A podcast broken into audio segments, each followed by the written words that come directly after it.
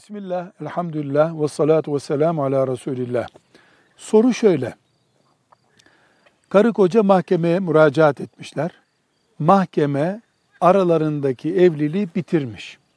Buna fıkıhta feshetmiş diyoruz.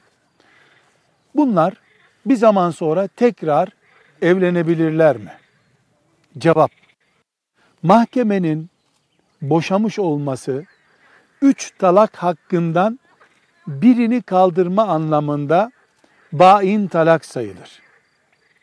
Yeniden evlenebilirler mi dediğimiz zaman eğer erkek bu mahkeme sürecine giderken bir boşama, iki boşama daha yapmamış, böylece üç talak hakkını da kökten tüketmemişse, bu boşama bir boşama yani mahkemenin boşaması bir boşama sayılacağından yeniden nikahlanarak yeni bir evlilik kurabilirler.